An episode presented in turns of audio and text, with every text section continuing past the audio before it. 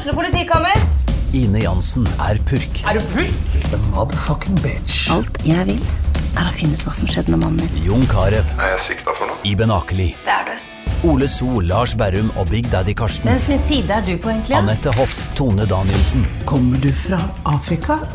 Jørnis Josef, Nesten. Kløfta. Trond Espen Seim, Det er synd å si det, men det var feil mann som døde. Purk. Premiere tirsdag på TV2 Play.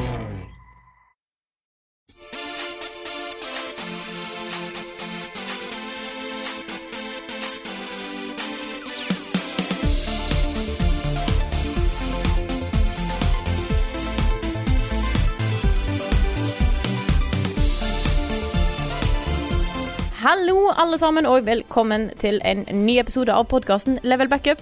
Med meg, Frida Dammo, og med meg har jeg selvfølgelig Karl Martin Hogsnes og Rune Fjell Olsen. Hallo, folkens. Hei! Hei-ha! Åh, Det det var en sånn cross ja. mellom, mellom Cowboy og Mr. Hanky fra South Park. Ja, det var det kanskje. Yeah, howdy, partners. Welcome to this podcast. The Roten Toten Red Dead Shooten. Det kan være at vi kommer til å snakke litt om Red Dead, Red Dead i dag, eh, folkens. Jeg rekker opp hånda alle som har sittet oppe i natt og spilt det. Det, er, det her er bra radio, altså. Ja, veldig bra radio. Det er én som var rekker opp hånda, og det, det var Rune.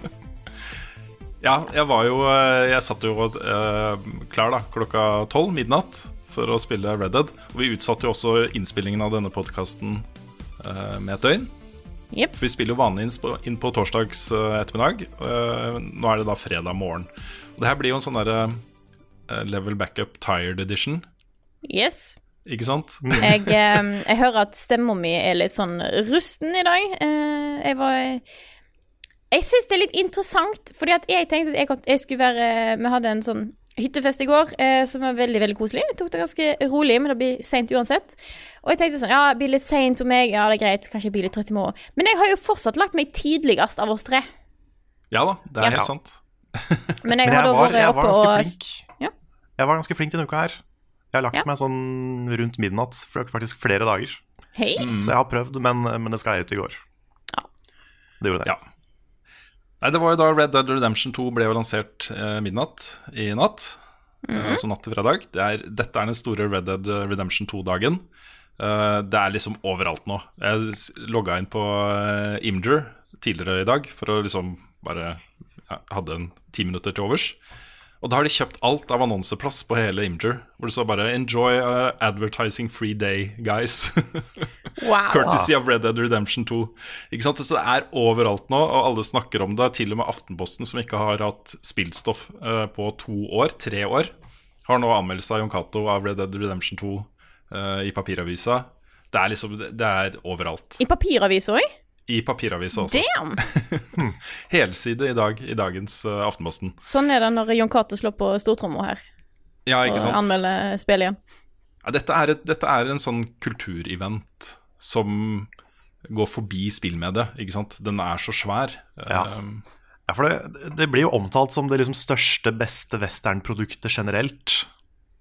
ja. Sånn at, at det liksom det bare er hvis du, hvis du liker western, så er dette her det Mm. beste du kan gjøre, liksom. Ja, altså Det kan virke sånn, i hvert fall.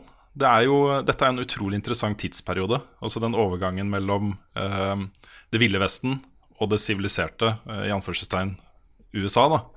Eh, alle de gnisningene som, og motsetningene som, eh, som var der. Det å prøve å få dette samfunnet som var liksom satt sammen av et eh, tilfeldig raska sammen eh, befolkning fra andre deler av verden, ikke sant? Til å bli sivilisert og fungere som et samfunn. Eh, det er her det spillet her foregår. Og det er jo tatt for seg i mange andre eh, filmer og bøker og sånne ting også, men der får du jo muligheten til å bli en del av det på en helt annen måte. Og det er, det er, det er ikke tvil om at de har gått inn for å lage en autentisk opplevelse her, selv om det er et underholdningsprodukt og en actionopplevelse og en historie som er fiktiv og sånne ting. Så er det jo bare Det blir jo rent ned med faktiske uh, ting fra historien. Pinkertons og alt dette er liksom Dette er virkelige ting som skjedde, da, som de har bakt inn i denne verden og denne historien. Så, så det er blitt en svær ting. Jeg vil bare si én ting. Uh, Mm. Bare sånn for å ha gjort det. For jeg så det var, kom en, et innlegg på Community om det i går. Eller i forgårs. Det er lov å fordi dette er en veldig stor event. Jeg, jeg klarer helt selvfølgelig å se på en måte uh, hvorfor hypen er der. Men jeg er ikke med på hypetrainet i like stor grad.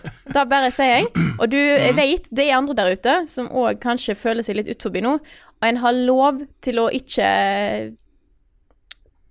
Ja, jeg skjønner hvorfor det er hype rundt det.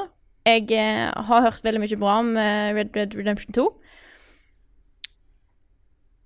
Men det er lov. For, for de som kanskje føler seg litt utforbi nå, dere, dere er ikke alene. Jeg vil bare si det, så det er sagt. Jeg kommer sikkert til å spille til slutt. Jeg er jo det. Men uh, jeg, bare, jeg bare sier det for de som kanskje føler at bare sånn, er det noe galt med meg. Det er sånn, det er lov. Ja, det er lov. Men også, Ja. Dette her er en uh, investering du gjør. Fordi eh, det er jo snakk om at bare, hvis du bare setter deg ned og følger storyen, så er det 60 timer ca. Ja. og så er det jo alt det andre du kan gjøre. Jakte på ting og ja, gudene veit. Det er jo Du kan sitte i timevis og spille poker, liksom. Um, det er en tidsinvestering. Og det er eh, det inne, eh, innforståtte er jo at dette foregår i en sandbox-verden. Og det er ikke Altså, du må ha tid og lyst til å sitte med et blankt ark og fylle det selv med aktiviteter du har lyst til å gjøre, um, for å få noe ut av det. Og det er, liksom, det er helt greit, det, hvis du ikke syns det er noe for deg. Ja. Nei, for det, det er det at jeg har ikke de 60 timene nå. Så jeg, Mm. det er litt sånn da å sette meg ned med det betyr at jeg kan ikke anmelde noe annet på et par måneder. Mm. Ja, sant. Og det er jo en kanskje enda større terskel nå enn det var før, fordi at så mange spill har blitt open world. Mm. Sånn som Assassin's Creed nå er liksom Det er ikke i nærheten av like svært, men det er fortsatt nok til at jeg blir stressa. Ja da. Så Ja, Nick det- snakka om 70 timer før han uh, kunne liksom uh, sette punktum og lage anmeldelse. Ja. Ja. Så jeg sliter ikke med å forstå det, altså. Nei. Men jeg, jeg så Jeg leste noen anmeldelser i går, for jeg var veldig nysgjerrig. Og den, den anmeldelsen til Kotaku, til Kirk Hamilton, Mm. det var, en av de, det var kanskje den første som virkelig fikk meg hypa. Fordi det er en av, de, en av de best skrevne anmeldelsene jeg har lest noen gang. Ja da, Jeg har sett uh, mange snakke om den anmeldelsen. Jeg har ikke lest den ennå, fordi uh, vi vet ikke helt hvordan vi gjør det. Nick eh, har også installert spillet og begynt å spille det. Så vi, vi skal spille en stund, og så ser vi litt hvordan vi gjør det. Um, om det blir jeg eller han som anmelder det, eller om det blir begge to, eller bare Nick, eller ja. Så, så da leser jeg ikke Jeg leser ikke noe om det spillet ennå. Sikkert lurt. Ja, men den, eh, den til Kirk Hamilton har jeg lagra, liksom. Den skal jeg lese én gang.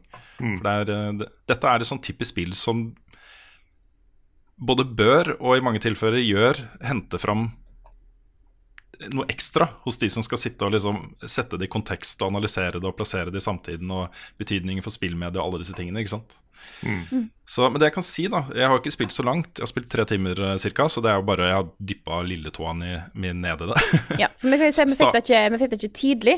uh, sånn at uh, Ja, vi fikk det på skal- samtidig som alle andre forbrukere.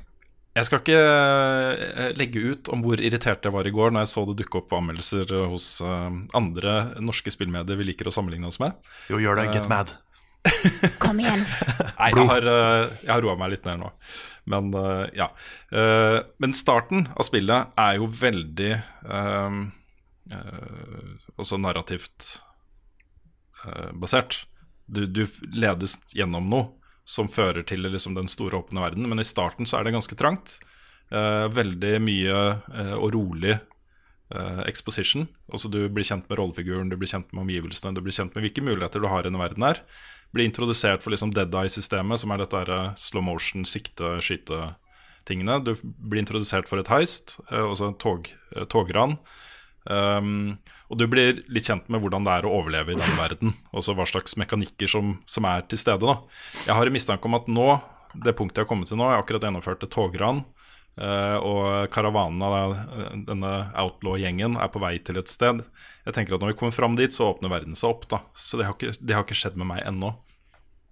Men jeg tror også at det fortsetter litt sånn, fordi det er veldig, veldig åpenbart hvor historien går. Altså hvor du skal gå for å fortsette historien. Det er sånne gule ikoner på mappet, og når du går dit, så liksom ofte en cutscene, og så kommer du til et story-ting, da.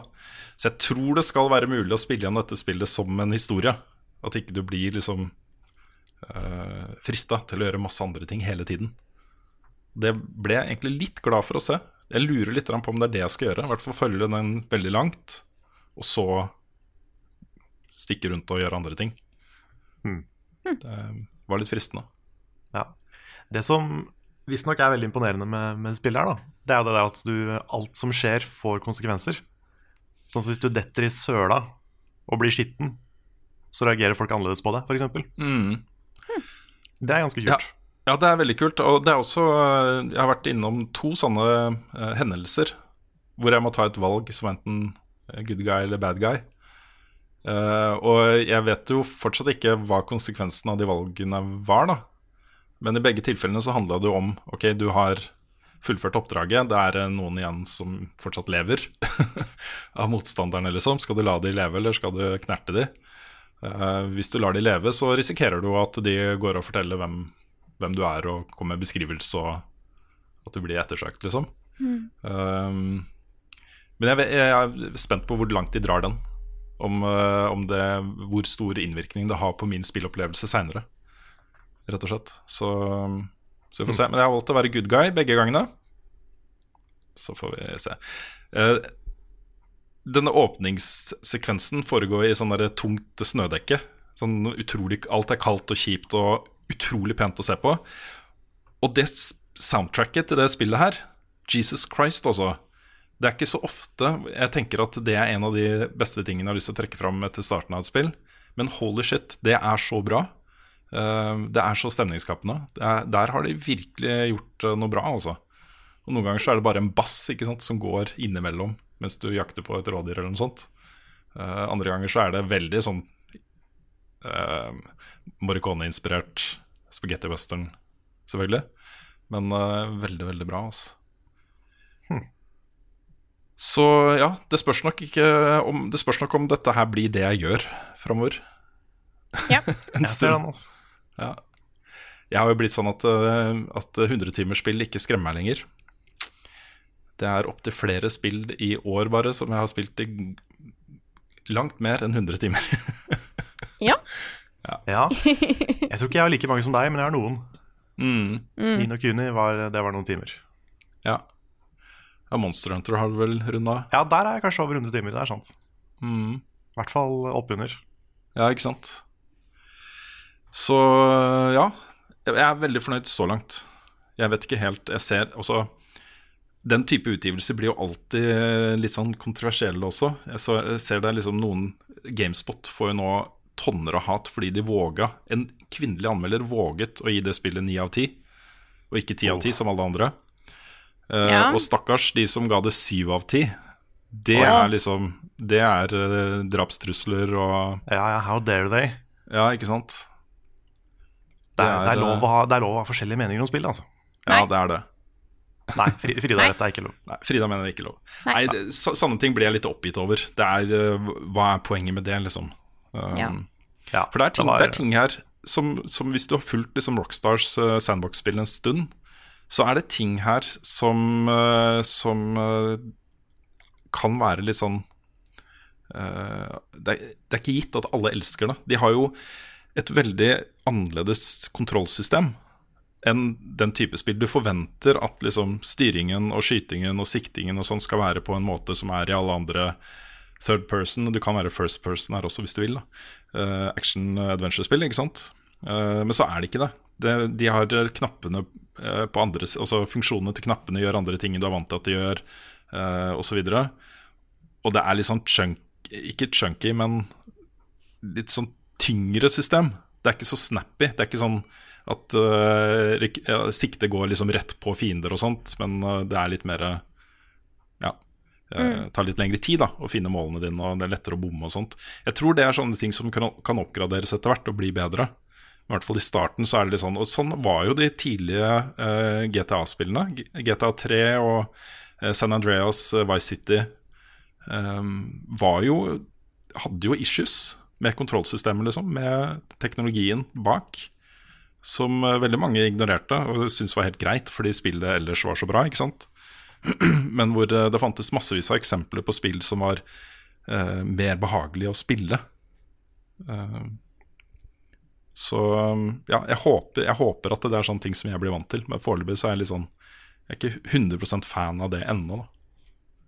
Nei, Nei det, det, det leste jeg også litt om, at det er, det er veldig sånn bevisst eh, valg å gjøre alt mest mulig realistisk framfor intuitivt. At du liksom Hvis du skal lute en fiende, så skal du ha hele den animasjonen med at du liksom kikker rundt i lommene deres, og liksom det tar lang tid. Og det skal se mest mulig ekte ut, da. Ikke nødvendigvis altså, at du skal få den kjappeste gameplay-opplevelsen. Ja, det, det har jeg en liten issue med, da. Fordi uh, etter det første liksom, togranet som, uh, som jeg gjorde, så ble det jo skutt noen titalls fiender som lå rundt omkring, og alle kan lutes. Og du tar liksom en sånn path da, hvor du går liksom framover, framover, framover, og så skal du tilbake, tilbake, tilbake. Så du går på en måte mer eller mindre forbi alle sammen på vei tilbake til eh, det stedet hvor du avslutter det oppdraget. Det jeg klarer jo ikke, vet du. Jeg må jo innom alle sammen. Og de, har fem, de har 50 cent, og noen av de har liksom eh, noe eliksir og litt sånne ting. Det er ikke mye du får, da, men til sammen så blir det jo ganske mye, ikke sant. Og da er det det jeg gjør de ti minuttene. Det er å gå og bare ransake lik, liksom. Er det vel anvendt tid? Er det, er det sann denne opplevelsen kommer til å bli for meg? At jeg ikke klarer å gå forbi noe, og alt gir deg ting? Kanskje dette blir en trening for deg? Kanskje du, du liksom nå får trening og Nei, det går, det går fint å la det lute deg være, liksom. Ja, Ja. kanskje. Ja. Ja, Kanskje han skal få lov å ta med seg tinga sine til den andre siden. Ja, jeg tror jeg, jeg tror jeg må legge litt uh, restriksjoner på meg selv der også. For ellers så blir dette her en uh, 300 timers opplevelse istedenfor en uh, 70-100, kanskje. Ja. Men eh, men én ting som den Kotaku-anmeldelsen gikk litt inn på, det var stemning og liksom vibe i spillet. Og at den er veldig annerledes fra f.eks. GTA. da Ja. Og det var en av de tinga som gjorde meg interessert. Fordi den derre litt sånn apatiske tonen i GTA, den er liksom ikke helt meg. Mm. Jeg blir litt sånn sliten av den. Så det at det er litt mer sånn Litt mer feels, for å kalle det det, det, det tror jeg funker for meg. Mm. Det er en veldig modig åpning av spillet. Jeg liker den innmari godt. Eh, den er veldig sånn jordnær og veldig lite spektakulær, egentlig. Eh, veldig flott å se på og utrolig bra musikk og mye bra skuespill og sånne ting. Men det skjer ikke så mye sånne svære ting. Da, snakker vi to-tre timer av spillet i starten som eh, de kunne ha valgt at du går rett på noe et sånn fett heist eller noe sånt, ikke sant? Men hvor de isteden bare Ok, nå er, du, nå er du en lovløs i et samfunn som er i ferd med å bli, eh, få mer lover og mer struktur, ikke sant? Eh, du lever på kanten av loven, du lever eh, eh, du, vil ikke være med på den utviklingen. Og eh, prøver å finne liksom en plass da hvor eh, du fortsatt kan være utenfor det samfunnet. Og når de bygger det opp på den måten, så vil jo alt som skjer etterpå ha større impact, tenker jeg da. At du blir dratt inn i verden på en helt annen måte. eh, Og får et helt annet forhold til de rollefigurene du omgis med, og, og sånne ting. Så um, jeg har allerede fått game over et par ganger fordi en av eh, gutta i crewet døde. Oi. Så da måtte jeg restarte fra forrige checkpoint. Så Nei, det er nok et uh, slow burn-spill mm, som eh, tror det. vokser og vokser etter hvert. Veldig spent på hvordan, eh, hva jeg tenker om spillet etter helgen. etter å ha fått inn noen eh, titalls timer i det. Så, men uh, dette her er jo en prequel til Red Dead Redemption igjen. Uh, det foregår i 1899, uh, mens Red Dead Redemption 1 var i 1911. Og hele den perioden her er jo, som jeg sa tidligere, veldig interessant, syns jeg. Jeg syns det er kanskje noe av det mest interessante sånn epokemessig i nyere tid hvordan det amerikanske samfunnet ble til, er en utrolig interessant eh, studie, altså. Så det var jo en av grunnene til at jeg virkelig, virkelig elska Deadwood også, TV-serien. Den derre den derre eh, kollisjonen mellom det siviliserte og det ville, ikke sant. Det Mm. lovløse. Ja. Jeg har aldri vært så inne i western, men eh, Westworld gjorde litt for meg. Mm, Ja, Da, da fikk jeg litt sånn her. Ja, dette er litt, litt sånn Dette er litt spennende. mm. Selv om det var eh, Androids og sånn, så eh, Ja. er det fortsatt kult. Jeg, er veldig glad i realistisk western, western og min favoritt, en av mine favorittfilmer er jo Unforgiven. Nådeløse menn, Clint Eastwood, som tar da et oppgjør med eh, de gamle spagetti-western-filmene hans og, og sånne ting. Da gjør en Ok, hvordan var det da å være en frykta gunslinger i Det ville vesten? Uh, var kanskje ikke så fett. Nei, det det er ikke et samfunn jeg ville valgt å leve i. Nei, ikke sant? Eh, og det samme gjelder jo en av mine favorittbøker, 'Blood Meridian' av Cormac McCarthy. Det foregår litt tidligere. Det er sånn 1850-tallet ish. Men den også er veldig sånn Der får du virkelig god følelse av hvordan det var å leve i det samfunnet.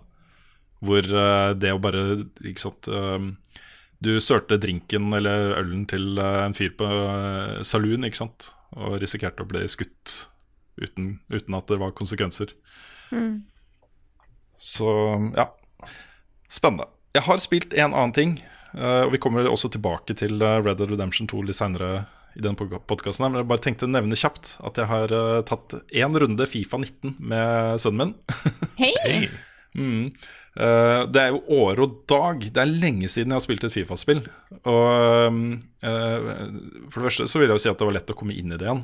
Og det å skjønne at ok, det er en knapp for pass og det er en knapp for skyte på mål og eh, sånne ting, liksom.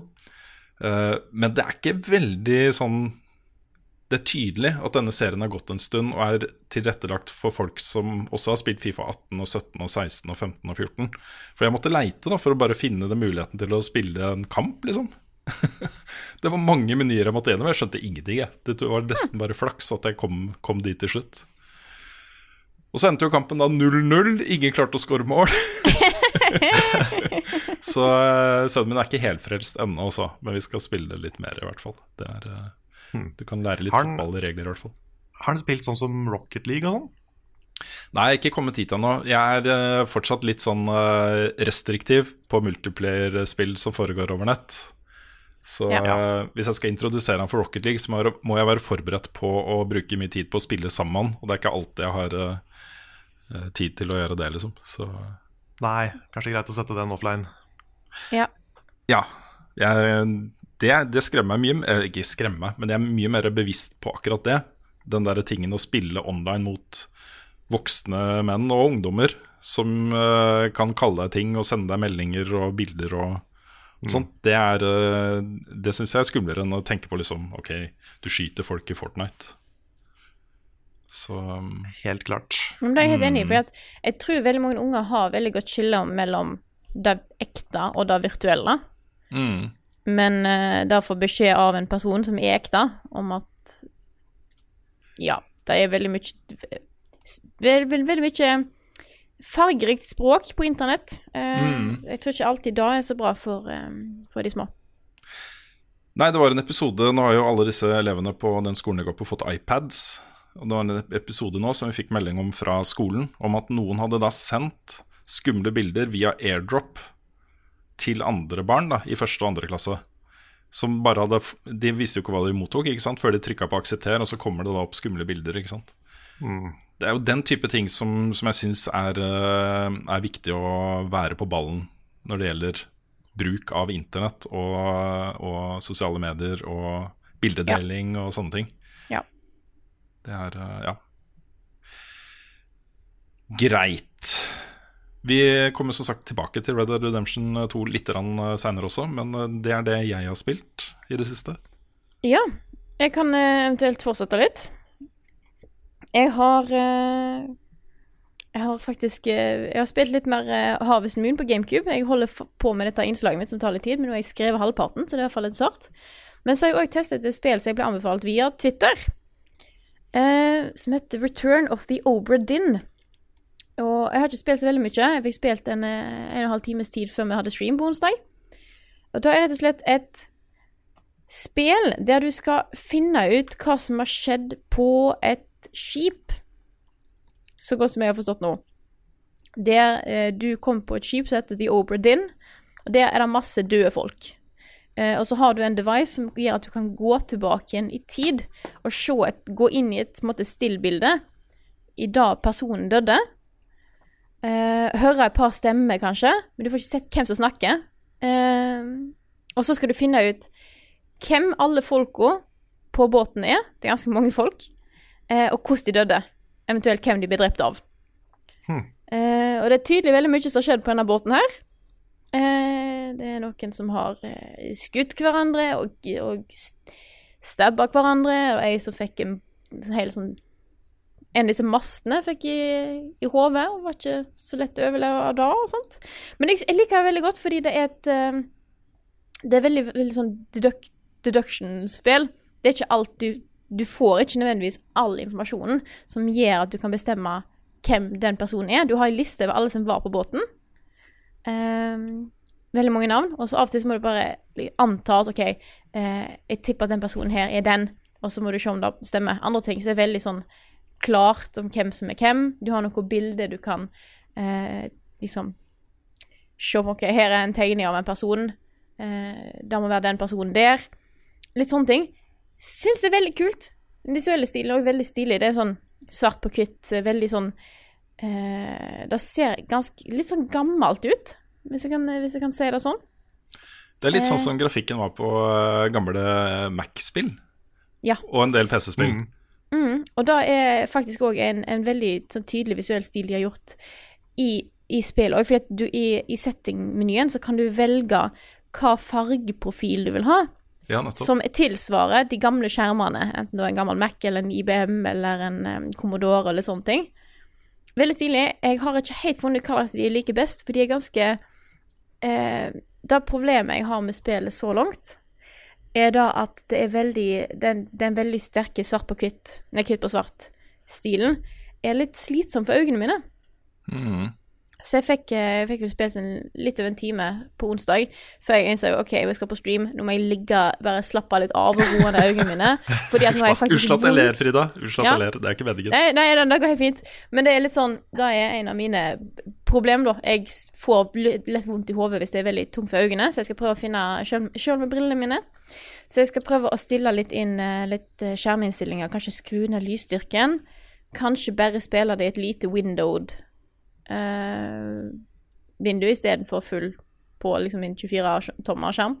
Så jeg skal, jeg skal tweake litt, for jeg har definitivt lyst til å fortsette. Ehm, så jeg eh, har lyst til å komme gjennom det, se om jeg klarer å finne ut eh, hvem alle disse personene er, og se hvordan historien går. Du vil også nevne at dette er jo det nye spillet til han som lagde Papers, Please. Han er i Ja. ferd med å etablere seg nå som en ganske viktig, viktig stemme innenfor indiespill, i hvert fall. Og spill med det generelt. Det er så kult at han går fra Papers, Please til Mm. noe så annerledes. Ja. Det er stilig. Og så er det jo også litt uh, morsomt da at de eneste spillene som kom ut uh, denne uka her, det var jo spill som det. ja. Det er jo ingen, ingen som tør å gi ut noe stort samme uka som Red Dead Redemption 2. Men det er jo, eh, dette er jo også spill som eksisterer litt i sin egen verden, ikke sant. Det, det har sitt publikum. Det konkurrerer ikke mot Red Dead Redemption 2 i det hele tatt, egentlig. Nei. Og det er plass, til, plass til begge. Jeg tror det kom ut eh, 18. oktober, så det har allerede vært ute i ei uke, men jeg, mm. jeg eh, jeg, er litt sånn opptatt denne helga her, så jeg håper så jeg gir meg litt tid. Og så skal jeg komme, en, eh, komme jeg nok med en anmeldelse av eh, Return of the Overdin. Nice, Kult. nice. Jeg fikk, jeg fikk litt assosiasjoner når du sa det med passasjerlista. Fordi det kuleste i Lost, husker jeg, det var den gangen de lagde sånn, eh, sånn oversikt over alle som var på flyet. Og så var det han ene fyren, og så fant de ikke han på lista. Han var ikke på flyet. Han Ikke sant? ikke på Og det var sånn superfrysninger. Bare oh my god, hva skjer? jeg, jeg får gåsehud. Ja. Jeg hoppa, jeg hoppa av eh, Når var det jeg hoppa av? Midtveis i sesong to, tror jeg. Ja, ok. Ja, det her var sesong én, tror jeg. Ja, jeg husker den scenen. Ja, og det var så, det var så crazy. Mm. Så kanskje de tar en sånn. At det er en som liksom He wasn't on the boat. Mm. Og kanskje det er twisten. Shit. Nå håper jeg ikke jeg spoila twisten for alle som hører på. Nei, Men i det så var bare, fall det var bare en game theory. Eller bukseteori, eventuelt. Det er bukseteorien. Ah, nei, du da, Carl. Har du spilt noe spennende i det siste? Det har jeg, vet du. Du har jeg, har, øh, jeg har endelig um, latt Nick overtale meg til å begynne på Assassin's Creed Odyssey. Hey. Oi! Så det har jeg begynt å spille. Jeg har ikke kommet sånn kjempelangt. Jeg har nettopp fått, øh, fått mitt første skip, så det er fortsatt ganske tidlig i spillet. Men øh, jeg merker at det er, det er veldig kult at serien har bytta sjanger. Fra actionspill til liksom veldig, veldig veldig RPG. Med full on liksom dialogvalg, med stats, med equipment, alt sånne ting. Eh, jeg var en av de få, kanskje, som likte modern day-historien i de første spilla. Så det at eh, Nick sa at det er en kul twist i modern day på slutten, det var det som fikk meg til å spille det. Ja, det var en av, en av de to eh, viktigste tingene jeg tok ut av anmeldelsen også. Det var den, Ja, og så var det den der eh, hemmelige ordenen som du skal jakte på. Ja. det var de Ja, to det tingene, liksom. det hørtes kult ut. Ja. Men det er, det, er, det er kult. Det er mye mer um, Jeg syns combaten er kanskje det som har blitt eh, best kontra de forrige spilla. Fordi eh, jeg spiller de som stealth-spill, uh, egentlig. Det har jeg alltid gjort. Men de gangene jeg må slåss, så er det ofte sånn øh, skal, jeg, skal jeg ta ut de der sju vaktene her og bare føle meg som en failure, liksom? Mm. Men uh, her syns jeg combaten fungerer. Og den er, en- den er ganske vanskelig, samtidig som du kan bli god i den. Så det, det syns jeg er kult. Mm. Og så er det noen sånne dialogvalg og, og konsekvenser og sånn som ikke jeg har fått helt oversikt over ennå. Men det virker som ting du gjør, har en del følger, da. Mm. Så det er kult. Men, eh, men ja, fortsatt tidlig. Fortsatt litt sånn overvelda av hvor svært det er. Jeg har eh, Det tar meg fort en del tid å bli glad i open world-spill. Så jeg må nok gi det noen timer til før jeg liksom faller helt for det. Mm. Men, eh, men jeg syns ikke, ikke det har vært en dårlig start, altså. Så jeg, jeg ser veldig mye av det som er bra med det. Mm. Nei, det, jeg skal uh, absolutt spille det, jeg også. Uh, nå venter jeg på venter jeg til det kommer på salg, men uh, Mm. eh, håper det blir før jul. Ja, hvis ikke folk blir sinna, da. Ja, det kan hende. Kan hende folk blir sinna hvis det blir for tidlig på salg. Ja, Ja. nå var jo Tomb Raider Shadow of the Tomb Raider kom på salg allerede yep. på Steam. Mm. Eh, og jeg ser også at du kan få det ned i et par-tre hundre kroner i fysiske butikker også. Um, det er vel et signal om at det kanskje ikke har solgt så bra, tror jeg. Jeg tror ikke det ville ha satt ned prisen hvis ikke det var for det. Nei, altså, jeg, hvis, du, hvis et spill selger bra, så setter de det ikke på salg. Det er litt sånn som Det er vel Warcraft 3 som fortsatt er til full pris. Ja, eller GTA Ja. 5, som også Ja, selges til full 5. pris. Og basically alle Nintendo-spill. Ikke sant? Ja. Så um, Ja, nei. Men um, jeg, er, jeg er spent på å spille mer. Jeg, har, jeg får komme med en oppdatering når jeg har spilt litt mer. Men uh, Mm. foreløpig så er jeg, er jeg spent. Det er, det er litt, litt mange ting på en gang akkurat nå, men det er sånn det er i starten. Rune sendte oss en melding på forhånd denne uka for å si fra om at han hadde en anbefaling å komme med, så nå er jeg veldig spent på hva du har lyst til å snakke om. Ja, jeg måtte gjøre det, følte jeg, fordi uh, ellers så ville dere bli sittende sånn Å, hva skal jeg anbefale denne uka? For jeg hadde jo forrige uke. Og vanligvis roterer vi litt, ikke sant? At vi tar det på tur. Men uh, det er såpass ferskt og aktuelt at jeg følte det var liksom Ok, denne vil jeg gjerne ta. Og det er da The Haunting of Hill House. Det er jo den TV-serien alle snakker om om dagen. Uh, I hvert fall har det vært det de siste par ukene. Uh, og det er jo en Netflix-serie på ti episoder som Eh, Det er en horrorserie, en spøkelseshistorie. Og det er litt problematisk for meg å se den type ting her hjemme, for jeg må gjøre det enten på mobiltelefon med headset, eh, eller liksom etter at kona har lagt seg. Jeg kan ikke ha høy lyd på Og Så lenge hun er i hjemmet, så kan jeg ikke ha verken lyd eller bilder fra noen sånn horrorting for henne, da. For da får ikke hun sove en uke, sier hun. Så, så den har jeg måttet se helt alene, med pute og eh, ofte mobiltelefon og headset midt på natta, liksom. Så det har vært perfekt setting for en uh, horrorserie, ikke sant. Uh, det var litt morsomt da jeg så den først. Så jeg sånn Jesus Christ også, dette er på en måte det neste skrittet i the golden age of television. Og så kult at de lager ting som er så annerledes og tenker så nytt og sånt. Og så fant jeg ut at jeg er basert da, eh, på en bok fra 1959. så, Så det er egentlig bare det at med en ti episoders, altså en ti timer lang TV-serie, så får du muligheten til å gå inn i materien på samme måte som en god bok gjør. ikke sant? Du får tid til å dra uh, story-arken til de forskjellige rollefigurene ut, Uh, til å dvele ved ting og til å gå tilbake til ting og ikke avsløre for mye med en gang og ikke gå for fort fram. da. Uh, og det gjør den serien her innmari godt. Det er liksom en uh, dette tilfellet er det jo en Shirley Jackson-bok, men det kunne vært en Stephen King-bok også. Eh, hvor historien blir god fordi den ikke fokuserer på skrekken, men på rollefigurene dette gjelder. ikke sant? Og dette er da fem, en familie med fem søsken og eh, to foreldre som eh, lever av å kjøpe og pusse opp og selge hus.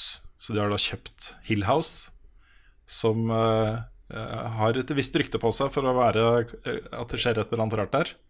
Eh, Men de gjør det allikevel. Og det er et fantastisk flott hus, ikke sant? men på nettene så begynner det å skje ting. da Så den, Er det på en hill? ser- Eh, nei, det er familien Hill, Hill som eide oh, ja, huset. ok, ok. Ja, Ah. Hill House. Um, så den uh, historien da foregår dels i den perioden hvor de bor i huset, og dels i framtiden. Så det er barneskuespillere og voksne skuespillere. Det er eh, ja, Han som spiller på en måte hovedrollen, det er jo uh, Michelle Heusman. Som er også kjent som Dario fra Game of Thrones. Ah. det tok litt tid før jeg kobla at det var han. For jeg tenkte å, så kult at jeg har så mange ukjente skuespillere, tenkte jeg. så er det, han ser litt annerledes ut. eh, Ja, altså han, han nye Dario, for det er flere som har spilt han. Ja, nye Dario. Ja, ok. Mm. uh, og den mest kjente skuespilleren er jo Timothy Hutton, som du ikke ser så mye i starten. Så jeg tenker han er jo liksom den nåtidens voksne pappa, altså faren i familien. Uh, I starten så ser du han nesten ikke, så da tenker jeg ok, han har sikkert en mer sentral rolle mot slutten av serien, og det har han, da. Så han kommer liksom sterkere tilbake i de siste episodene. Men dette er bra skitt, altså, folkens. Det er ordentlig bra laga. Um, og ikke noe sånn billige uh, billig skrekk hvor det bare hopper ting ut av skapet plutselig, liksom. Eh, de, de er flinke til å ikke dvele for lenge ved de kjipe tingene som skjer, for det er en del kjipe ting som skjer. Hvor Det er liksom skummelt akkurat- er det? På en skala fra 1 til 10 så vil jeg det ligger ganske nærme tieren, også. OK. Ja, ja, da, Ja. Da, da spørs det om kanskje ikke vi er i målgruppa. Frida. Jeg, jo, altså, tingen at skrekkfilm går fint. Ok, Det er null stress. Spill, derimot, er noe annet, for da sitter jeg i styringa. Skrekkfilm, ja ja, null stress. ja, okay. ja, da er det ikke, da er ikke jeg i målgruppa. Nei. Nei, jeg- jeg sitter bokstavelig talt med en pute når jeg ser det. Nå har jeg sett den ferdig, da, så nå, ikke sant. Men eh, det, det er liksom sånn Jeg, jeg er litt pysete på sånne ting sjøl også, men jeg liker det allikevel, da. Så, og så er jeg flink til å legge det bort. Men det har vært et par netter uh, etter at jeg har begynt å se den serien, hvor jeg har slitt litt med å sove. For det er liksom det som er skrekken her, er jo eh, Hva skal man si eh, Ting du stoler på eller er glad i, eller mennesker du stoler på er glad i, og så skjer det noe med en sann situasjon, da. Som snur da ting som er noe koselig, til ting som er helt jævlig. Jeg vet ikke om jeg skal se den her likevel. Jeg tror Nei, det tror der er sånn som jeg ikke helt eh, Nei, jeg vil, jeg vil si at jeg syns starten på serien er best. Altså, det, det er vanskelig å avslutte en spøkelseshistorie. Det har alltid vært vanskelig, også i uh, Stephen King-bøkene jeg har lest, og sånn horrorting. da. Um, alltid vanskelig å runde det av. Um, men de klarer det godkjent. Det er en god avslutning også. Men jeg syns starten, uh, første halvdel av serien var best. Men uh, hele serien er også dritbra. Så eh, det er min anbefaling. Eh, Jeg tenkte liksom først da jeg så folk begynte å snakke om det, liksom, ok, en spøkelseshistorie, hvor bra kan det være da? Men det er så bra. Det er så bra. Vi skal ha nyheter, og jeg tror kanskje det blir litt reddet her òg. Ja, det gjør det. Ikke Altså, ja, det, ja, det gjør det. Jeg likte at du prøver er prøvde å liksom defuse det, og så nei, det- nei. Ja, ikke sant. Uh, den største nyheten denne uka er jo at i dag kommer Red Dead Redemption 2 ut. Um, ja, Ja. det er nyheten. Men uh, Digital Foundry, som er en sånn tech-test-del av uh, Eurogamer eh, Det er jo mange som er opptatt av sånne ting, eh, og de er veldig flinke til å gjøre liksom, den type tester forståelig for folk. da Eh, de har nå gjort en test av Red Dead Redemption 2, som er ute på fire plattformer. Eller det er jo to, da, men det er jo PS4 Pro og vanlig PS4. Og så er det Xbox One X og vanlig Xbox One. Eh, og de har kommet fram til at det ser best ut på Xbox One X. Det er liksom konklusjonen deres. Der har den native 4K og stabil 30 frames eh, i sekundet. Eh, den sier også at eh, sånne gamle eh, Før, da, når du begynte å gjøre sånne tester, så var det ofte forskjellene mellom plattformene var sånn at ok, eh, vegetasjonen så dårligere ut på den ene, eh, skyggene var litt eh, dårligere, så sanne ting, liksom. Eh, De har ikke funnet noen sanne type forskjeller her. da Det ser fortsatt dritlekkert ut på eh, alle plattformene. Men eh, på PS4 Pro så er det en slags sånn oppskalering da av eh, eh, bildene. Det, kan ikke teknologien. Nei, er det ikke det der som eh, Det er sånn simulert 4K, eller hva det heter? Sånn Ja, det er ikke native 4K. Det er 1920 ganger uh, 2160 som er oppskalert. tror jeg. Ja, riktig. Ok. Så det er liksom det, det, det, 1920 ganger 2160 blir jo liksom sammentrykka fra sidene. Og så har det liksom blåst det opp for å få det ut, da. Ja, jeg vet ikke. Eh, men det ser fortsatt bra ut. Litt lavere framerate i noen situasjoner på PS4 Pro. Eh, og jeg har spilt det på PS4 Pro. Jeg har ikke hatt noen issues med eh, slowdowns eller sånne ting ennå. Så det er fullt spillbart. Men hvis du er opptatt av å ha den beste versjonen, så er det da tydeligvis Xbox One X. Vi har fått noen spørsmål som også er relatert til denne saken, som jeg tenkte å ta. Lars Aasen Stranden spør eh, Han kommenterer prisen på eh, PlayStation Store, som han syns var litt vel høy. Den starter jo på 699 for standard edition. Uh, og for pre-order så får du da tilgang til en hest og noe greier. um, uh, og så er det da en uh, versjon over det som koster 799, hvor du får enda litt mer. Og så er det da uh, deluxe-utgaven som koster 1000 kroner. eh, som koster enda litt mer. Men i butikkene, i de fysiske butikkene, så er jo prisen nå helt nede i sånn 489, har jeg sett, eh, hos noen norske elektronikkjeder. Og han lurer da på uh, hva vi syns om at det er så stor forskjell i pris, og litt hvorfor det er sånn. Og Grunnen til at det er sånn, er jo at uh, Power og Elkjøp og alle disse her, de kjøper jo inn for det første veldig store partier. Og for det andre så er det jo ikke salg av Red Dead Redemption 2 som de har lyst til å tjene penger på. De har lyst til at du skal ta med deg en vaskemaskin når du først er innom Power, ikke sant. Det er sant. Jeg jobba på elektrobutikk, og det er ikke spill man tjener penger på. Nei, ikke sant. Det er, de selger det sannsynligvis med tap, vil jeg tro. Eller i hvert fall i null, da. Ja, Eh, Kan så- godt hende det er tap òg. Ja.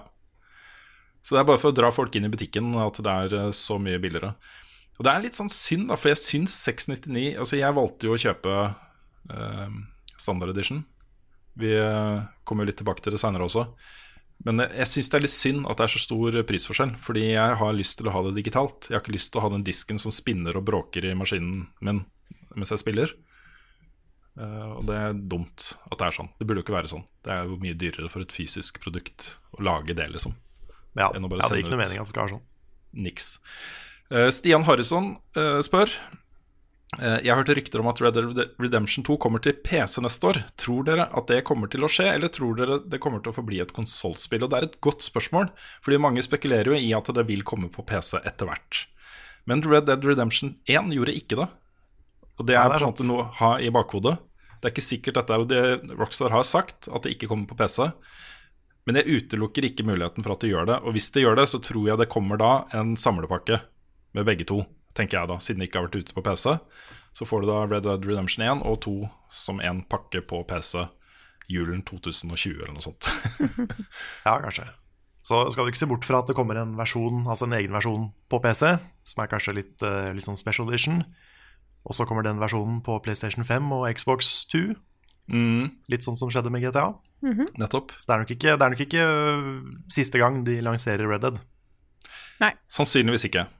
Eh, Og det er en annen nyhetssak fra uka som har gått, som eh, er litt knytta til det også. Fordi en av sjefene i eh, Xbox, eller i Microsoft for Xbox, har jo nå sagt at Xbox, Xbox GamePass også skal komme til PC. Og er jo, der er jo Red Dead Redemption 1 er jo i Game, GamePass på, på Xbox. Um, så hvis det skjer, så kan det hende at dette er en mulighet for Microsoft til å Dette her bør dere ha, folkens. Det er bare tilgjengelig på Xbox GamePass. hvis du vil spille Red Dead Redemption 2 på PC, så er det her du må gjøre det. Var det tilfeldig at du brukte fingerguns? Eh, ja. Ja, okay. La oss, la oss bare si ja. Jeg liker at du er så stor fan av fingerguns. Jeg syns egentlig det er ganske cool. Yes. I hvert fall i Red Dead-sammenheng så syns jeg det funker. Ja, ikke sant? Nei, altså mm, Jeg tror da at grunnen til at eh, de ikke vil committe til noen PC-versjon, er at det er i 30 FPS. Og du kan ikke lansere sånn spill på PC i 30 FPS. Du må gjøre det i 4K 60 i hvert fall, ikke sant? Så mm, det er kanskje det er derfor at de har nå bare Ok, dette er det vi går for. 30 FPS, stabil framerate på konsoll. Så får vi se da om vi får gjort noe med PC etter hvert. Ja. Um, ok, et uh, siste spørsmål om Red Dead fra uh, Torje Nango. Uh, skal jeg tippe, så kommer alle dere i Level Up til å spille Red Dead 2, men hva slags rute vil dere ta? Den snille eller, den slemme? Og er det noe dere gleder dere litt ekstra for å gjøre i Red Dead? Jeg kan si, hvis jeg Om, når et eller annet, jeg skal spille Red Dead Redemption 2, så ville jeg nok gått for den snille ruta. Da føler jeg kanskje ligger litt mer nærere meg. Ja. Jeg, jeg klarer ikke å være slem i spill. Det er veldig vanskelig. Det er veldig vanskelig. Jeg, jeg, jeg klarte det i Mass Effect, fordi der er du mer sånn, i hvert fall stort sett, så er du mer en sånn renegade enn du er en bad guy. Men noen ganger så går du full bad guy òg. Da, da sliter jeg. Men eh, nei, jeg må være good guy. Mm. Kommer aldri til å spille Undertale Genocide Run. Det, det, Det- det klarer jeg ikke. Nei, det er ikke så gøy. Nei. Jeg vet ikke. Jeg eh, Den starten på Red Dead Redemption 2 har gjort det vanskeligere for meg å være good guy. Fordi det er ikke nødvendigvis det beste valget å være good guy eh, for meg som rollefigur. Den rollefiguren jeg styrer, ikke sant. og du lever i det ville vesten, og den er lovløs, og du har allerede knerta liksom 80 av eh, gjengen. eh, eh, uten problemer, liksom. Så det å ta de siste tre som er i live, det er liksom ikke noe moralsk eh, stort skritt å ta, da, kanskje. Nei, for det, det er akkurat da, da. Jeg har alltid lyst til å prøve å gi det som virker naturlig for rollefiguren. Mm. Mm. Hvor den, eh, hvor den er og sånne ting. Det merker jeg veldig da um, Jeg spilte gjennom sesong to av The Walking Dead, for eksempel.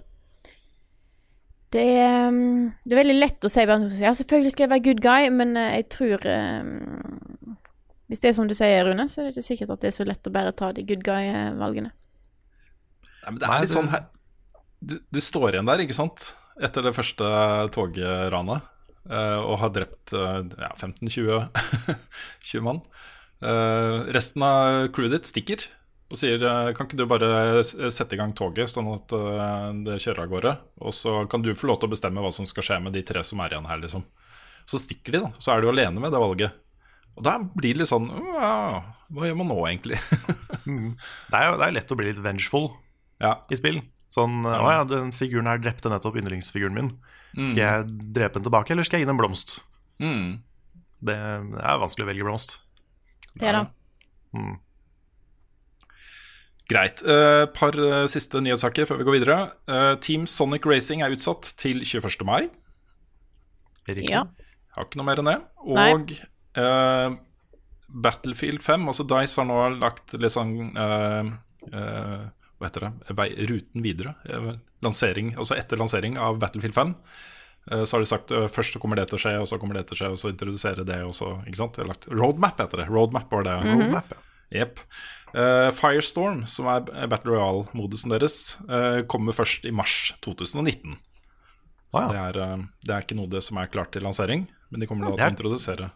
Det, da er det veldig forskjell på Battlefield og Call of Duty i år. Mm, faktisk. Veldig forskjellige spill. Mm. Nei, det første som skjer der, er jo i eh, altså ca. måned etter lansering, så kommer da det fjerde eh, War Story-kapitlet, som, uh, som foregår da i Tyskland. Du styrer en, tysk, en tysker på den tyske siden i, i andre verdenskrig. Um, det kommer da liksom nærmere jul, og så introduserer de liksom multiplere elementer og, og sånt underveis da, fram mot mars 2019. Var det siste nyheten du hadde, Rune? Mm. For da har jeg en liten en. Jeg tar det som en nyhet, for jeg glemte det tidligere. Fordi at eh, jeg har eh, jeg, jeg, Men jeg sier det er en nyhetssak. En liten lokal ny, level up-nyhetssak. Jeg er ferdig med Near Automata. Oi! Jeg kom på det at jeg glemte å snakke om det, for jeg visste jeg hadde spilt noe mer denne uka. Jeg er offisielt ferdig med hele Ikke hele, altså det er jo en del endings igjen jeg ikke har tatt om, men jeg er ferdig med hovedendingsene. Og siden jeg har snakka litt om dette her i podkasten de siste gangene, tenkte jeg nå er det greit å bare si I did it. Good job. Nice. Hvis du ikke har spilt nice. det, så go and fucking do it. Fordi eh, det er absolutt eh, Altså, den ti av tien som nikker av det spillet, den eh, kan jeg være enig i. Hadde du, eh, hvor høyt hadde du hatt det på lista di i fjor, hvis du hadde spilt i fjor? Å, shit, ja. Uh, jeg tror jeg fortsatt hadde putta det under mm, Jeg hadde jo Persona 5 på øverst. Ja, jeg tror jeg hadde hatt det på nummer tre, så rett under Selda. Ja, jeg tror jeg husker ikke, om jeg tror jeg hadde midt på nummer fire eller fem.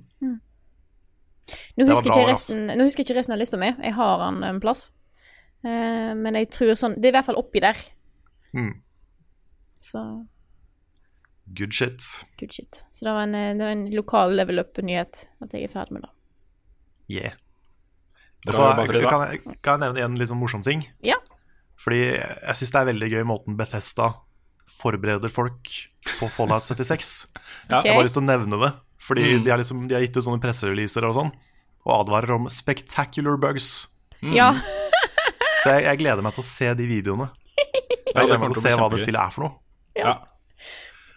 Nei, de har, eh, de har liksom jobba ganske hardt nå, tror jeg, for å em, mennes menneskeliggjøre det teamet som har lagd Fallout 76.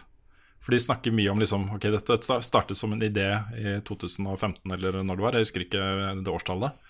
Uh, og når de først hadde bestemt seg, så var det ingen vei tilbake. Alle på teamet brant for å gjøre dette her, og har nå liksom lagt hele sin sjel i å lage det spillet de har lyst til å lage, og, og sånne ting. Eh, og så følger det opp da med å si at eh, som med andre store online-verdener og sånt, så er det ikke så lett å få alt til å fungere og sånt, så vær så snill å si ifra til oss. Og nesten sånn, Vær litt snille med oss da, folkens. Vi, Ja. vi gjør så godt vi kan, og vi mener godt. så ja. Det er ingenting det er, så det er, Ok, ikke ingenting, nå, men det er få ting jeg syns er morsommere, morsommere enn eh, det vi kanskje kan kalle spektakulære glitches. Mm. Det syns jeg er kjempegøy. Har, det, da, da syns jeg alltid morsomt, hysterisk morsomt. Hvis det er et eller annet som glitcher seg i spill, og ting en kanskje en eller annen karakter går litt sært fordi at han går litt som i crouching posisjon, eller det er en eller annen enemy som fyker en av meg. Hysterisk morsomt. Mm. Ja. Vet ikke hvorfor. Jeg liker ting, ting som på en måte overrasker meg. Da, da, da ler jeg. Og så er det en egen sjarm hvis du oppdager de sjøl, Ja. og ikke liksom ser det på YouTube, men det faktisk skjer. Mm. Så som eh, jeg, jeg tror nesten aldri jeg har ledd så mye som da jeg klatra opp på toppen av en kirke i Assassin's Creed 3. Og istedenfor å gjøre den der synchronized animasjonen, så står den og liksom bøgger seg, og det ser ut som han står på toppen av kirken og onanerer. og det er så morsomt. ja, det er kjempegøy. Det er kjempegøy.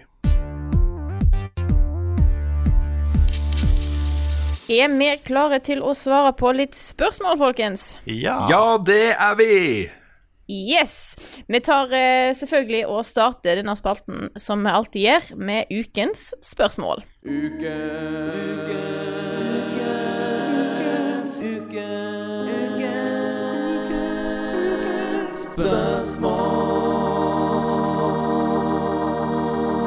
Og ukens spørsmål denne gangen er fra Marius Hauge. Han skriver flere og flere spillutviklere går for en businessmodell der en gjerne gir ut tre til fire versjoner versjonutgivelser av samme spill. Det er i form av en vanlig versjon for de fattige av oss, en Digital Deluxe Edition, en Limited Deluxe Gold Supreme Legacy Get Wrecked XP Boost Sponsored by Monster Edition, osv. Der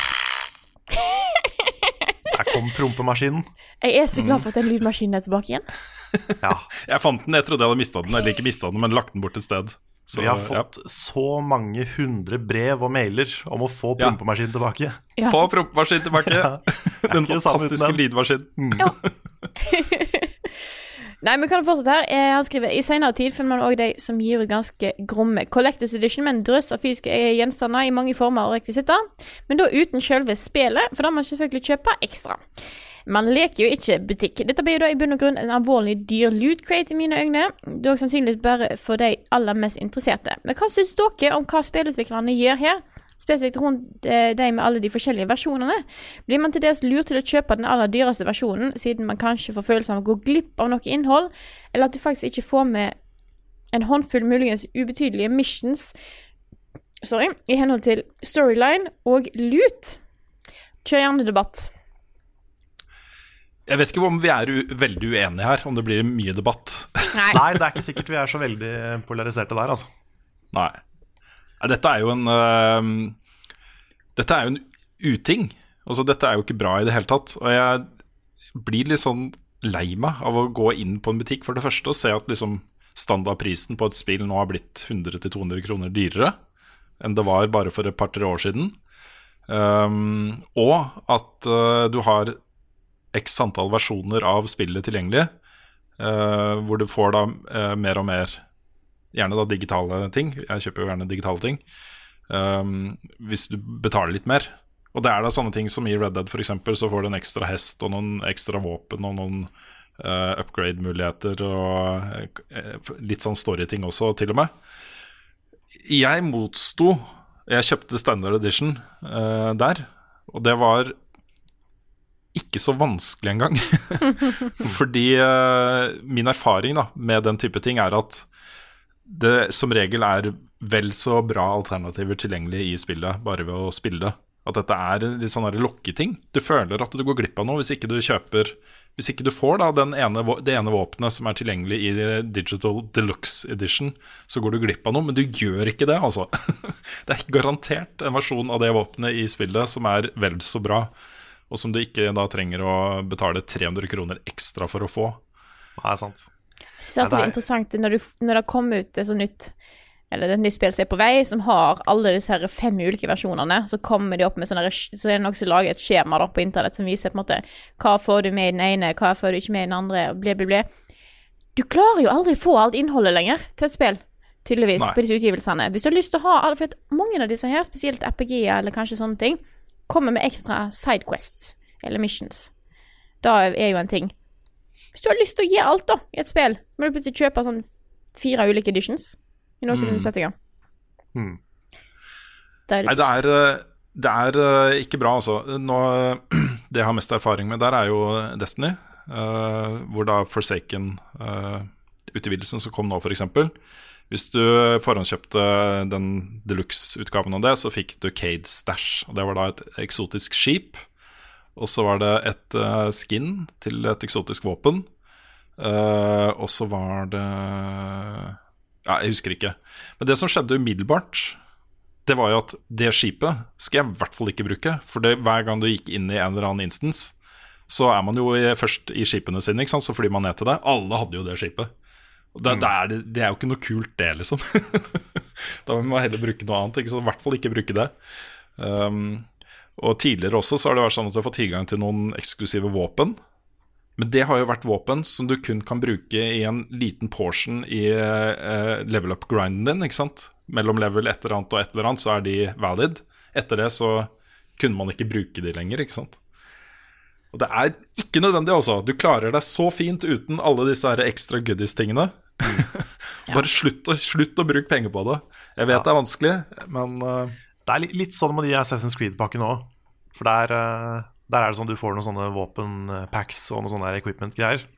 Men det også er bare sånn early game-ting. Mm. For liksom plutselig så får du ting som er mye bedre. ja. Og kan man tenke sånn at dette her var så lite viktig at de kunne ta det ut av den billigste versjonen uten problemer. Mm, Så kanskje det egentlig bare er mindre du trenger å sløse tid på. Jeg vet ikke. ja. Jeg bare syns det er så fascinerende at de på en måte standard full game ikke er full game. Mm. Eh, og at utviklerne fint kan på en måte komme seg unna med det. Også det at, uh, det, det at den der Ultimate Edition ikke har spillet i seg. Ja, da, Mm. da Å, da er sært. Det er, så, det, det, det er jo ekstremt misvisende. Ja. Ja, det, det det handler om da, det er jo at det, blir sammenlignbart med å stikke på Outland og kjøpe eh, figurer fra spillet ditt du er Ja. glad i, eller et eller annet, ikke sant? Men Bare det å kalle det en edition Veldig rart, altså. Mm.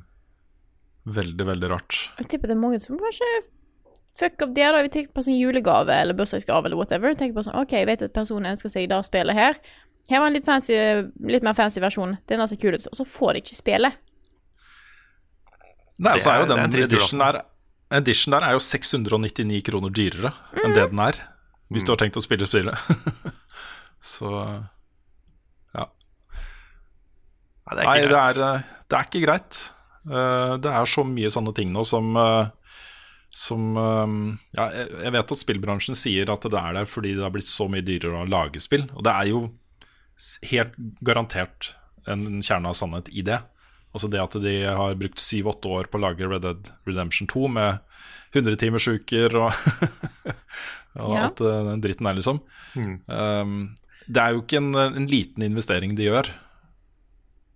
Men uh, bare vent og se salgstallene for Red Dead Redemption 2, hvor mye penger Rockstar kommer til å bade i når det begynner å renne inn, og hvor mye penger de har liksom garantert. Neste uke kommer det en eller annen pressemelding om at hele utviklingskostnaden til Red Dead Redemption 2 er allerede tjent inn. Fordi dette er tidenes mest uh, solgte underholdningsprodukt. Ja. Uh, og vi har, det bader i milliarder av dollars. Vi, vet, vi har så mye milliarder av dollars at vi ikke vet hvor vi skal gjøre av dem. Og da skal du få problemer med å forsvare den derre 1000 kroners digital deluxe-strategien, altså. Ja. Jeg har tenkt litt på det der med 100 timers uker. Hvis du Ja. jobber ti timer hver dag i sju dager i uka, så er det fortsatt bare 70 timer. 100 Ja. timers uker, det er, det er sykt. Ja, det er, helt, det er absurd mye. En vanlig standard norsk arbeidsuke er 37,5 timer. Ja. Da jobber du åttetimersdager med en halvtimes eh, lunsjpause. Ah, Nei, det er, eh, ja, det er, ikke, det er ikke bra. Men eh, det er ikke det. Altså. Jeg kan skjønne at måte, folk, de er- utviklerne har lyst til å ha en failsafe, da. Um, for det er jo veldig mye penger som går inn i disse trippel A-spillene. Ikke overraskende. Uh, og jeg eh, Jeg vet jo at Red Dead Redemption 2 kommer til å tjene inn de pengene lett. Null stress. Men så er ikke alle av de som gjør det. Så jeg skjønner at måte, du har en eller annen sånn salgsdude som sitter der bare sånn Ja, men tenk om det ikke går bra. Derfor er vi nødt til å ha disse editionsene der. Jeg tviler på at det er utviklerne sjøl som sitter bare sånn Å, yes! Jeg gleder meg til å lage et spill, så at jeg kan gi ut det i mange editions for å tjene masse penger og gjøre folk miserable. Så det er eh, sånne utviklere som sitter og liksom bare Å, jeg legger sjela mi i det spillet her, jeg skal lage så mange editions! Ja. Så mange spennende editions, og folk kan bare velge og vrake, det blir kjempebra. ja, ja. Men dette, det er jo det er vi som er eh, Som må ta skylda på det. Også det er jo spillerne Ja. som faktisk kjøper de. Og så hvis, hvis uh, uh, kundene deres ikke hadde kjøpt de forskjellige editions og bare vært sure, så hadde dere slutta med det. Så de gjør jo dette fordi folk eh, følger opp ikke sant? og bruker de ekstra pengene på det spillet de har tenkt å kose seg med i kanskje et halvt år eller et år. Nå kommer jo Red Dead Online. Det er mange som tenker at dette spillet her kommer jeg til å spille i mange år. Og da er plutselig 1000 kroner ikke så ille, liksom. Man fordeler det over veldig mange måneder, da. Så um, ja. Altså Jeg har ikke noe problem med sånne editions som det følger med en sånn svær actionfigur, f.eks., eller et eller annet sånn kult. For det, hvis du er fan, så kan du sikkert, da, da er det sikkert kult å ha. Men det viktigste er liksom å ikke ha sånn f- 40 forskjellige versjoner, ikke, ikke ha misvisende markedsføring. Vær tydelig på hva du får og ikke får. Det er så mye du liksom I hvert fall gjør det ærlig, liksom. ja. Det er det viktigste. ja. For Så da- er det jo sånn når Da vil jeg heller at det skal komme litt sånne rare editions enn at vi får masse mikrotransaksjoner, f.eks. Ja. Ja, det er jeg for så vidt enig med deg. Men, men gjør det ærlig. Mm. Jeg føler òg Så lenge ikke de ekstra tingene du får i super, eh, super rare ultra deluxe edition eh, Hvis de ekstra tingene som følger med der, er så broken at det blir jo pay to win Mm. Så vi når det punktet, så har vi gått for langt òg. Ja. Hvis det er multiplayer, så må man jo være ekstra forsiktig. Ja. Ja, ja nei, altså jeg har ikke noe Jeg forstår at, uh, at virtuelle gjenstander har verdi for folk, folk, for det har det for meg. Det er ting jeg har i spillene mine som jeg er glad i, liksom. Som jeg er glad for at jeg har. Og som jeg gjerne skulle, hvis jeg hadde hatt en social space et eller annet sted spill, så skulle jeg silt ut liksom Dette har jeg fått, folkens. Eh, det betyr noe for meg, og det har jeg ikke noe problem med. Men eh, eh, ja, det er mye også. Jeg må også legge til at jeg, tror nok at i alle disse uh, dig- Digital Deluxe Edition og sånt av Red Dead f.eks., det er en bitte, bitte, bitte liten andel av det du kommer til å oppleve i det spillet, kommer til å komme fra det. Altså Det er ikke en promille engang, tror jeg. Um, det er så mye annet. Så mange andre våpen, så mange andre outfits, så mange andre hester. At, eh, at eh, det blir sånn dråpe i havet.